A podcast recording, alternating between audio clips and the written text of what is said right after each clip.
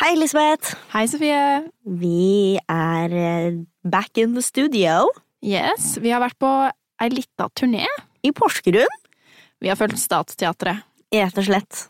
Følt oss veldig som en del av gutta. Mm, I en har helg. oss, det var veldig hyggelig. Veldig hyggelig. Men vi har da også gjort intervju med både Per og Cato og hele Statsteatret, og det har vi gjort på et hotellrom. Så lyden er eh, Den er litt sånn så som så Ja. eh, på de neste episodene som kommer. Ehm, men eh, fortsatt veldig bra innhold. Veldig bra innhold. Det er interessant å lytte til uansett, Ja. Så hold ut, og så blir det studiolyd etter Statsteatret. Ja. Mm. Og førstemann ut er Per Kjærstad. Som vi har hatt en eh, veldig ålreit eh, prat med. Mm, ta litt og lær. Hei! Brekk et bein! Hei! Brekk et bein! Vil du begynne med å si hva du heter? Ja, det vil jeg. Jeg heter Per Kjærstad. Og hvor eh, jobber du? Eller hva er din arbeidssituasjon? Jeg er frilans skuespiller. eh, Så akkurat nå så er jeg på jobb i Porsgrunn. på teaterfestival. Med bandet mitt, eh, Statsteatret. Ja. Har du noen som du ser opp til eller får eh, inspirasjon fra? Ja, det har jeg vel. Men jeg tror det skiftes. Det kommer, oppstår ut ifra handling eller ting som mennesker noen gjør, eller kanskje jeg har sett noe som jeg liker, eller noen har sagt noe som jeg liker, men det er ikke nødvendigvis et bestemt menneske Nei. som er tenkt dere sånn arbeidssammenheng, eller? Ja, eller hvorfor du Hvem som kanskje inspirerte deg til å bli skuespiller, da? Om du, had, om du har en sånn person? Nei. Nei. Jeg har ikke det. altså. Det er greit, det òg. Det er noe bra. Og så et gøy spørsmål som er litt annerledes. Skal vi spørre om noe, da? Hva skal vi spørre om i dag? Um, hva, uh, hva liker du å gjøre på, på en søndag? En helt vanlig søndag. Hva jeg liker å gjøre? ja. Ja. Så nå har jeg to eller tre unger, da. En er jo ikke en unge, men eh, hun er 18, så hun styrer sjøl. Men på søndager hjemme så er det ikke jeg som bestemmer hva jeg skal gjøre. Så da er det enten trampolinepark eller eh, bare mayhem i huset. Men hvis jeg kan få Hvis jeg hadde vært Hvis jeg er ute, eksempel, og og jobber og så har en søndag til overs. Det er veldig sjelden jeg har en søndag til overs. Så syns jeg det kan være veldig fint å gå og sette seg på en plass og spise god mat og drikke litt øl og bli litt sånn Litt uh, fjørsilkebrisen på en eh, formiddag ja. i sola. Deilig. Ja. ja. Ikke sant?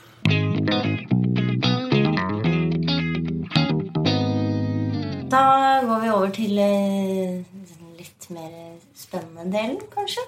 Ok. Eh, Kanskje du kan begynne å fortelle litt om din reise fra da du fant ut av at Oi, det er dette her jeg må drive med, til der du er i dag. Ja, det er jo for så vidt en ganske lang reise, det. Det er helt topp, det. Men um, jeg vet ikke hvor det begynte, egentlig. Det er ingen i min familie som Altså, jeg, jeg kommer fra en veldig liten plass, en knøttliten plass som heter Kjærstad oppe i Nordland. Så det ligger på øy som heter Kjelløya. Og det var såpass lite, og er såpass lite, at jeg gikk alene fra første til sjette klasse på barneskolen, for eksempel, bare for å sette det i perspektiv. Det var ingen andre på hele den øya som var født i samme år, 1977, som jeg. Men jeg gikk jo sammen med andre på skolen, så vi var åtte på det meste på hele skolen, og så var vi fire stykker på det minste under den, den seksårsperioden som jeg gikk der. Så jeg skulle på ungdomsskole, så var det tre og en halv mil hver vei med buss. Eh, så jeg kunne liksom ikke velge hvem jeg skulle henge med, være med.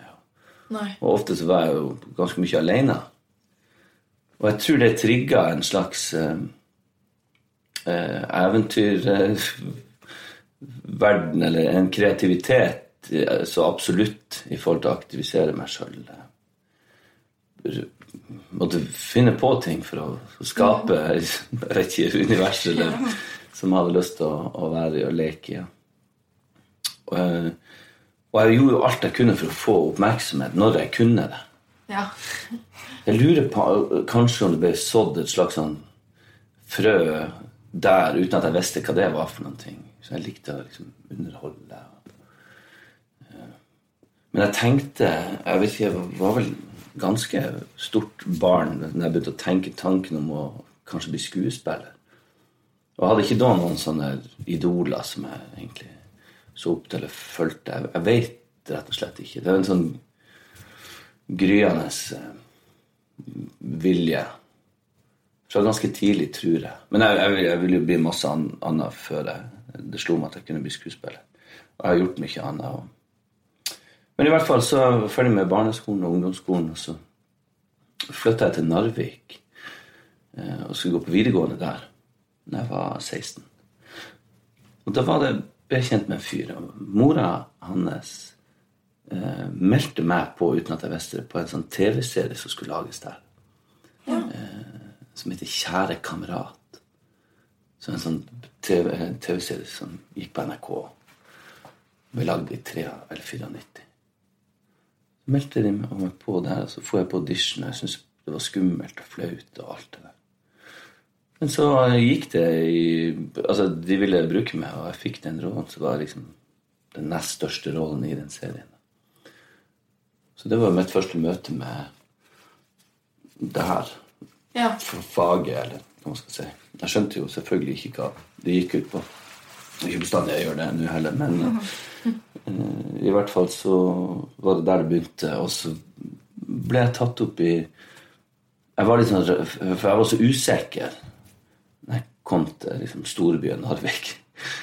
Så jeg prøvde alt for å liksom, finne ut hvem jeg var. Prøvde liksom, forskjellige stiler. Jeg ante ikke hvor jeg skulle begynne.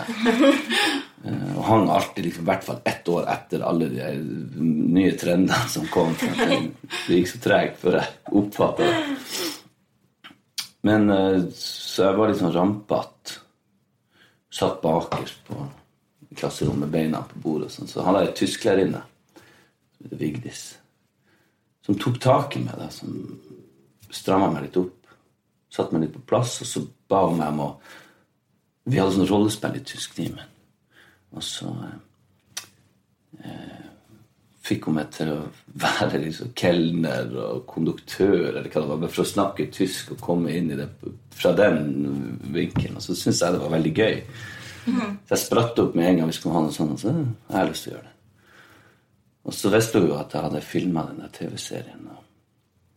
så en dag så Hun drev det lokale altså revyen, eller det lokale teaterlaget. Ja. Narvik Teaterlag.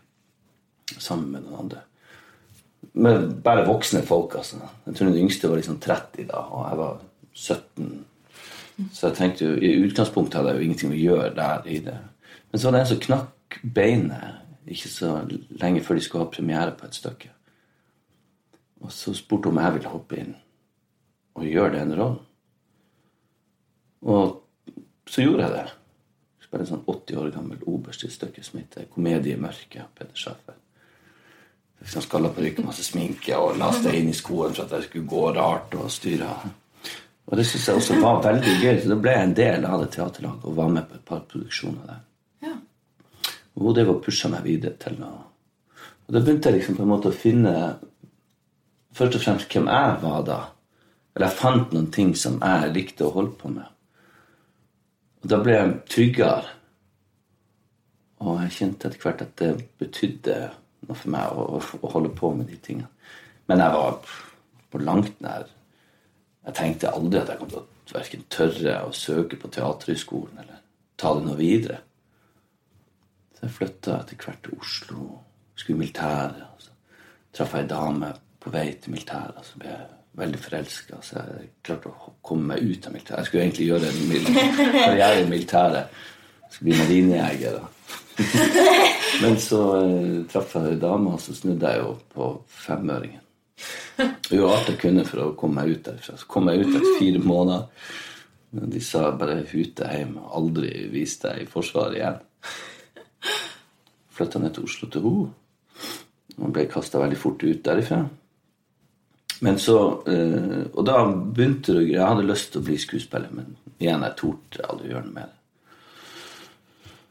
Eh, Så da jeg begynte å jobbe i bar. Jeg jobba altfor lenge i bar. I åtte år eller noe sånt. Ja. Ja. Men så, før det så begynte jeg å jobbe på flyplassen på gamle Fornebu. Ja. Og var med på en overflytting til Gardermoen. Og der traff jeg noen gutter som skulle flytte til Australia. Og så spurte de om jeg ville være med. Så ja, det ville jeg jo. Og de skulle studere business og marketing. Men jeg tenkte kanskje jeg skulle se om det fantes en teaterskole der som jeg kunne gå på. Så fant jeg en. Og jeg så liksom på kartet, det én centimeter fra Central Station på det kartet. Men det var jo da en time med tog hver vei eh, ute i bushen. Jeg måtte gå sånn 20 minutter gjennom sånn bush og møtte kenguru an- annenhver dag på vei på skolen. Og, og der var det veldig sånn teater, og de var eh, De satt og mediterte, og alle gikk rundt i sånn hempklær. og Håret grodde i alle retninger på alle, og jeg kom i sånn litt trange jeans og skinnjakke. Og som den eneste utlendingen i klassen. Så jeg følte meg ganske malplassert. Ja. Jeg skulle egentlig gå der tre år, men jeg hoppa ut etter eh, et år, litt under et år.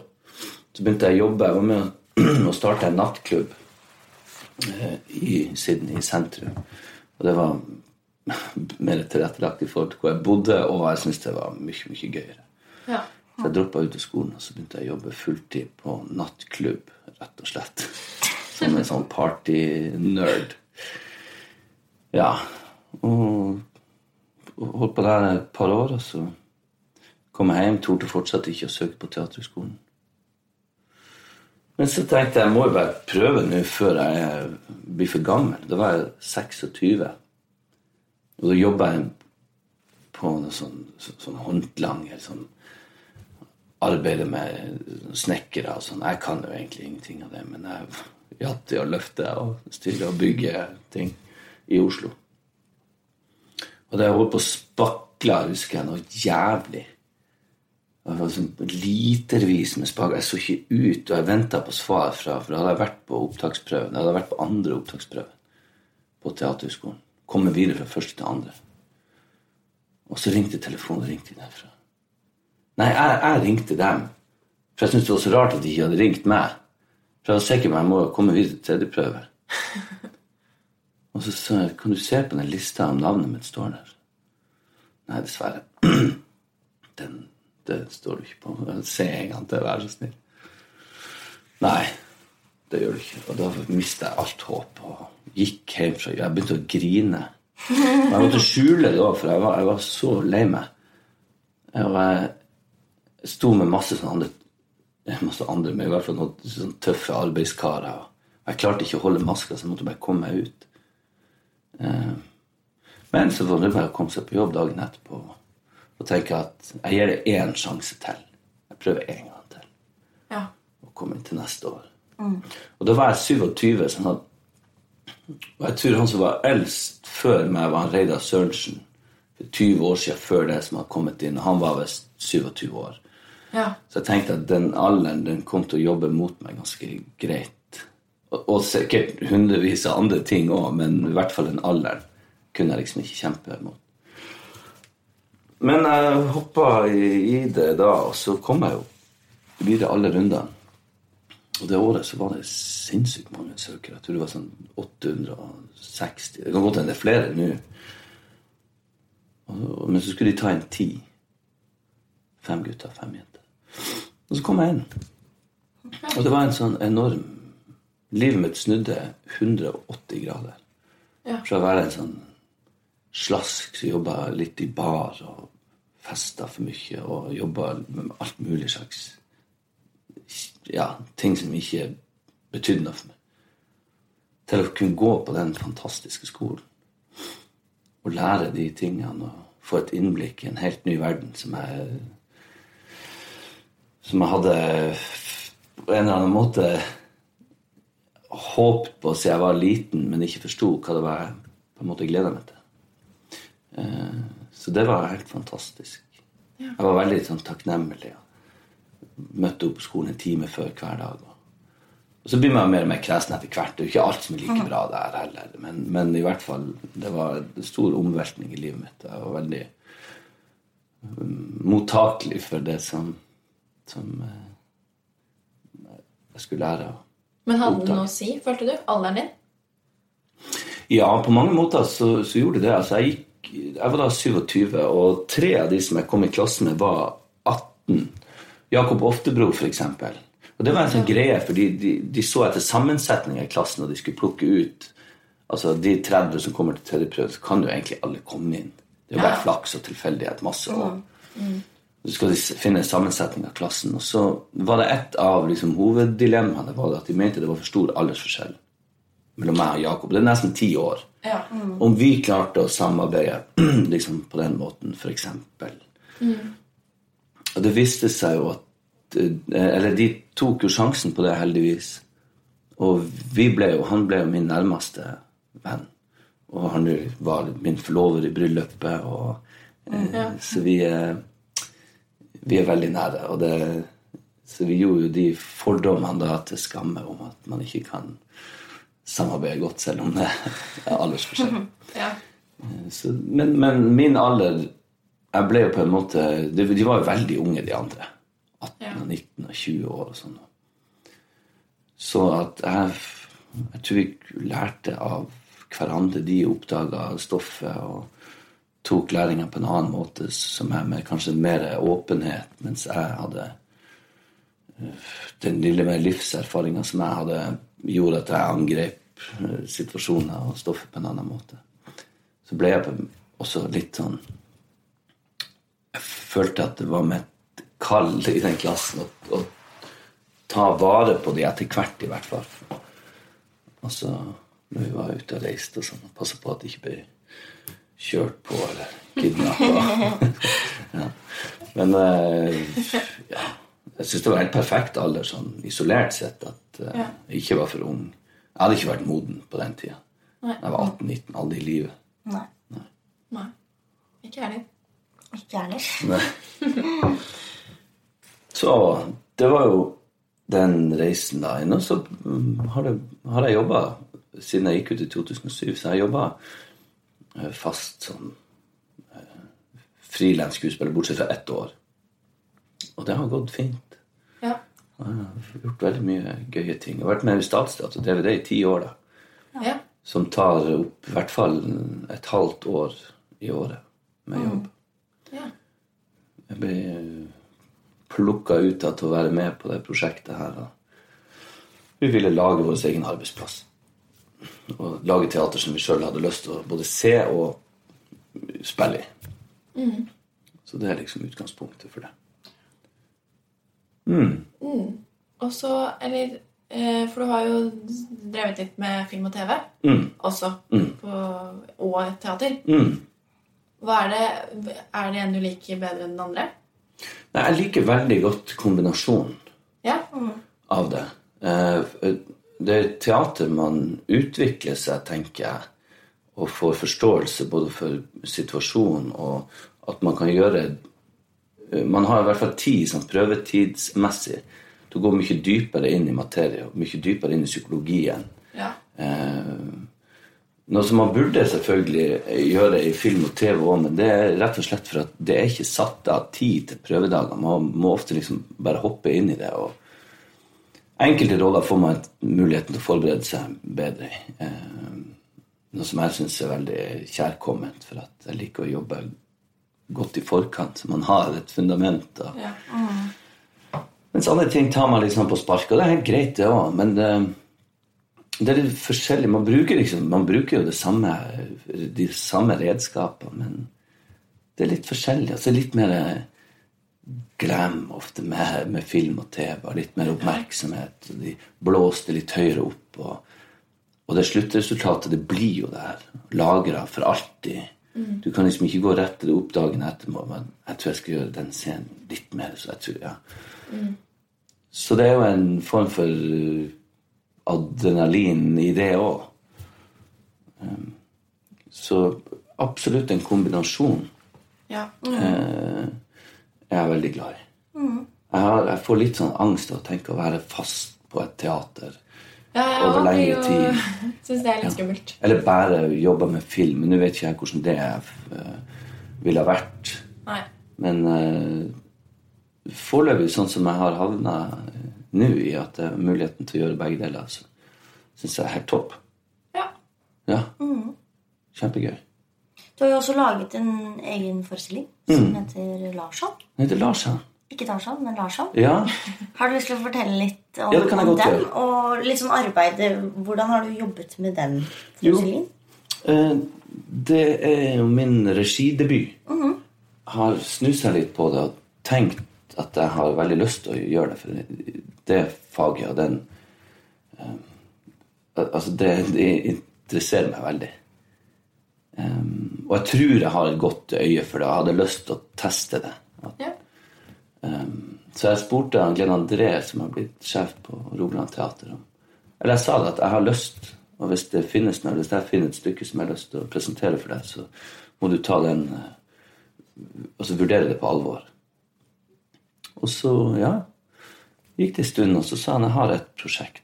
Altså Sommerteater, som er en tolvårig tradisjon i Stavanger, å lage sommerteater for et vidt spekter av mennesker fra fem til 100 år. Og alle skal få sett. Ja, det ble jeg veldig glad for, og lurte på etter hvert hva jeg skulle gjøre. Så jeg tenkte hvis, jeg, hvis vi skulle lagd en familieforestilling, her, tenkt på tidligere, så jeg har lyst til å sette opp Tarzan. Det har bare ligget bak der som en sånn For det er så Jeg var fascinert over det, og kanskje kjente meg litt igjen i han. Det å klatre i trær og fra barndommen min, som fascinerer meg. Eh, eller jeg syns det var spennende.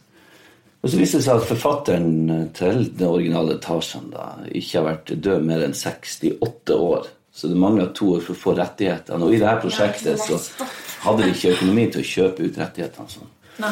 Så sammen med en dramaturg der i, på Roland Teater, så fant vi ut at vi kan bare bytte navn. Så hvis vi kaller for Larsen, og ikke apenes konge, men artenes konge, siden han jo er menneske på toppen av næringspyramiden i utgangspunktet. Ja. Mm. Og eh, møte brorsan, for jeg hadde en idé om at han hadde en halvbror ute her som eh, Så var det et godt utgangspunkt. Så det ble det helt hans. Artenes konge Larsan møter brorsan. og det startet altså Og brorsan, farsan og morsan, det er noe man konsekvent sier i Narvik, der jeg bodde i noen år, og mor, far og bror. Som det eneste stedet i Norge hvor de sier det konsekvent, tror jeg. Kanskje jeg sitter noen morsjøværinger og hører på og tenker nei, det gjør vi her òg. Det får det bare være. Eh, Så historien min den starter i Narvik i et skilsmisseoppgjør. Så jeg skrev det her. Eh, Vi har fått hjelp av de andre aktørene, altså skuespillerne, til å utforme dialog og sånn, men historien er min. ja. Fritt basert på grunntanken om Tarzan som blir fostra opp på en hapgate Men det startet et helt annet sted. Det startet et eh, skilsmisseoppgjør i, i Narvik med morsan og farsan og brorsan. Og farsan er i 40-årskrise og truffet en mye yngre dame heter Vega. Og hun har fulgt en sjaman lenge på Instagram. Som, som, eh, som har en sånn yoga treat eh, resort nede et sted som heter Mosambikram. Så hun får han farsan med dit, og tilfeldigvis har han også vunnet masse penger i Lotto. ja. Så de drar på en sånn selvrealiseringstur ned til Mosambikram for å gå på yoga-safari. Dra på yogasafari. Og så gjør de så mye yoga at hun eh, blir eh, gravid. Og så føder hun, og så kommer han Larsen til verden. Ja. Som er veldig sterk flott gutt. Men så er det han sjaman. Han vil jo ikke Eller Larsen blir veldig mye etter hvert. Han er en veldig krevende unge, så de må ha hjelp. De må ha avlastning, barnehage. De må ha hjelp fra besteforeldre, morsan, morsan og farsan, farsan.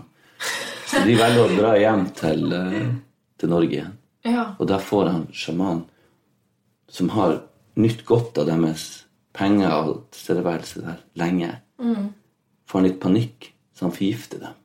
En gift som gjør at de sovner i 100 år. Om så hvis de ikke får en motgift.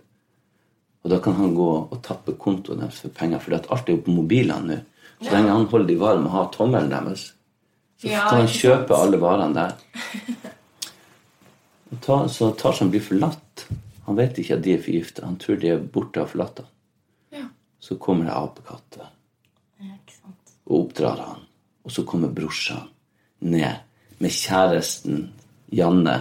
Nå lager jeg sånn hermetegn som du ikke kan se.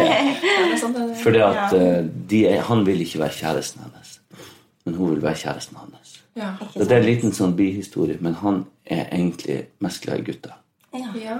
Så han får noen nye oppdagelser når han kommer ned til Mosambik. ja. Og blir et friere menneske.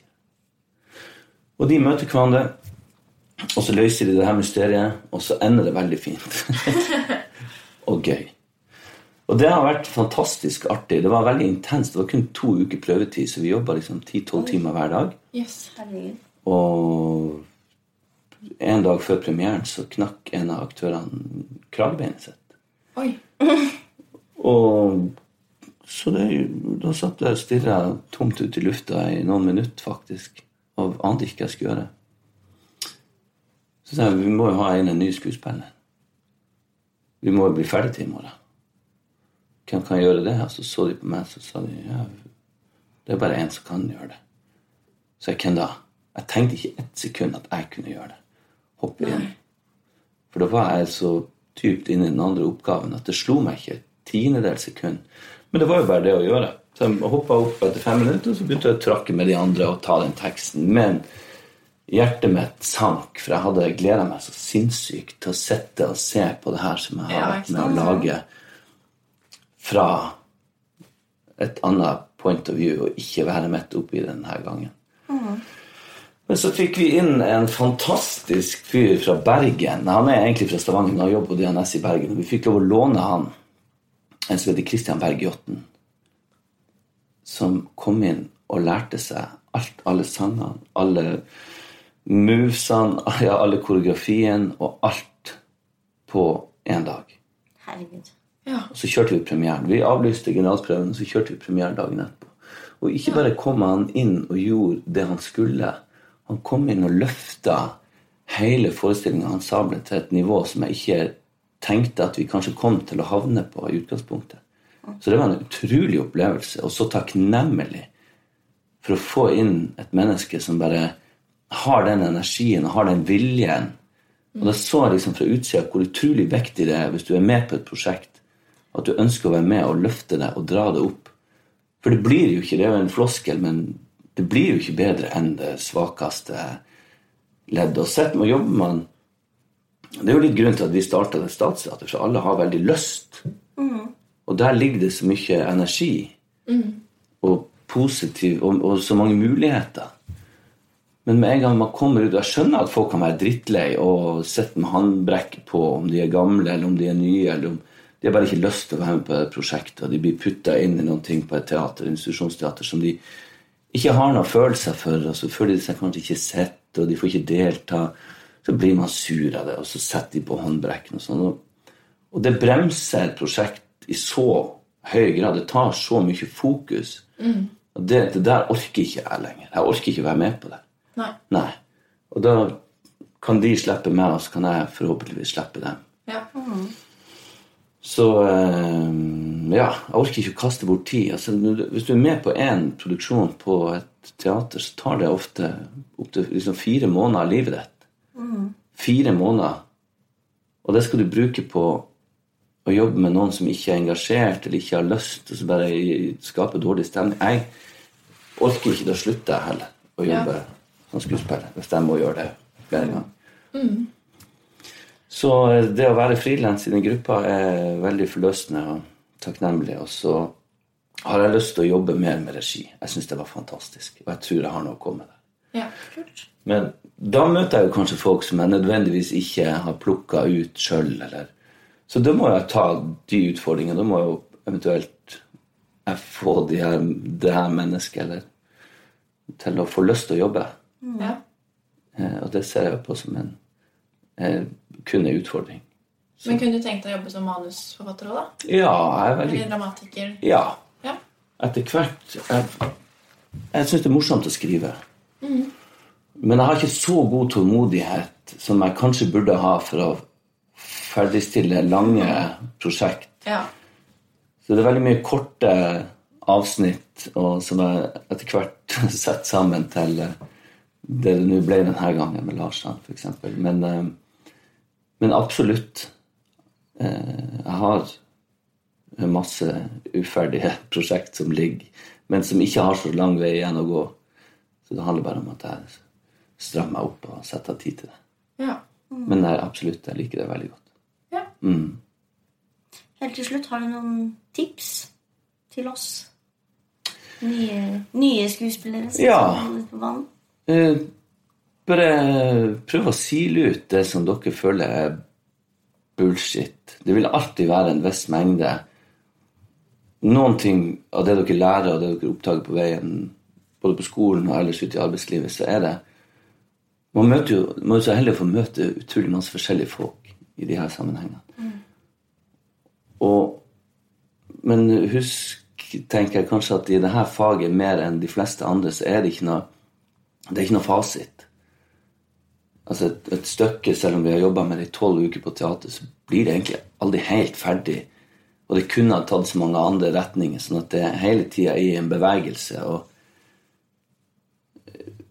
eh, tenk at prøver å sile ut hva, dere, hva som gir dere eh, eh, bensin for å drive på videre. og og så tar dere inn det dere føler dere kan bruke. Og eh, ikke tenk at noen sitter med det siste svaret. Det finner dere inni dere sjøl, kanskje. Jeg vet ikke om det høres eh, svulstig ut, men vi vil jo se individualiteten hos et menneske i det arbeidet, om du gestalter noen andre, eller, men det er jo gjennom deg, når du er på det sanneste, vi blir interessert. Og det finner du med å, å stole på din egen eh, Ja, stole på deg sjøl, og at ditt uttrykk er nok. Er det et råd, her, eller er det bare tøv? Nei, det høres veldig bra ut. råd. Kanskje spole tilbake og høre det en gang til og høre om det var noen mening i det. Men, men en eller annen plass ligger det i hvert fall en, eh, et ønske om å gi et godt råd oppi der. Ja. For, ja. Det kan være veldig vanskelig. Jeg tenkte på det når jeg Helt i første året på Teaterhøgskolen så gikk vi og så teater. Og jeg hadde kanskje sett to stykker i mitt liv før jeg begynte der. ja. Og når vi kom ut fra det, så, så håpte jeg at lærerne sånn, ikke skulle spørre meg først hva du syns. For jeg var liksom redd for å svare feil. ja. Ja, um, jeg vet ikke. Ja, kanskje det var Og så forløsende det var den gangen jeg oppdaga at herregud, det handler bare om hva jeg liker. Hva treffer meg? Hva syns Hva ga det meg? Og ikke være redd for å kjenne på det. Og det er litt det samme som Hva er det å være skuespiller? Plutselig så kjenner du bare Nei, det er jo det uttrykket jeg har, og det jeg kan bidra med. Og ikke en idé eller tanke om hva andre vil at du skal være. For det, det kommer du jo ingen vei med. Nei. Så vær så god. Kloke ord. Ja, Ja. Tusen takk for tips, og takk for besøk. Ja, veldig hyggelig. Ja. Ja. veldig hyggelig.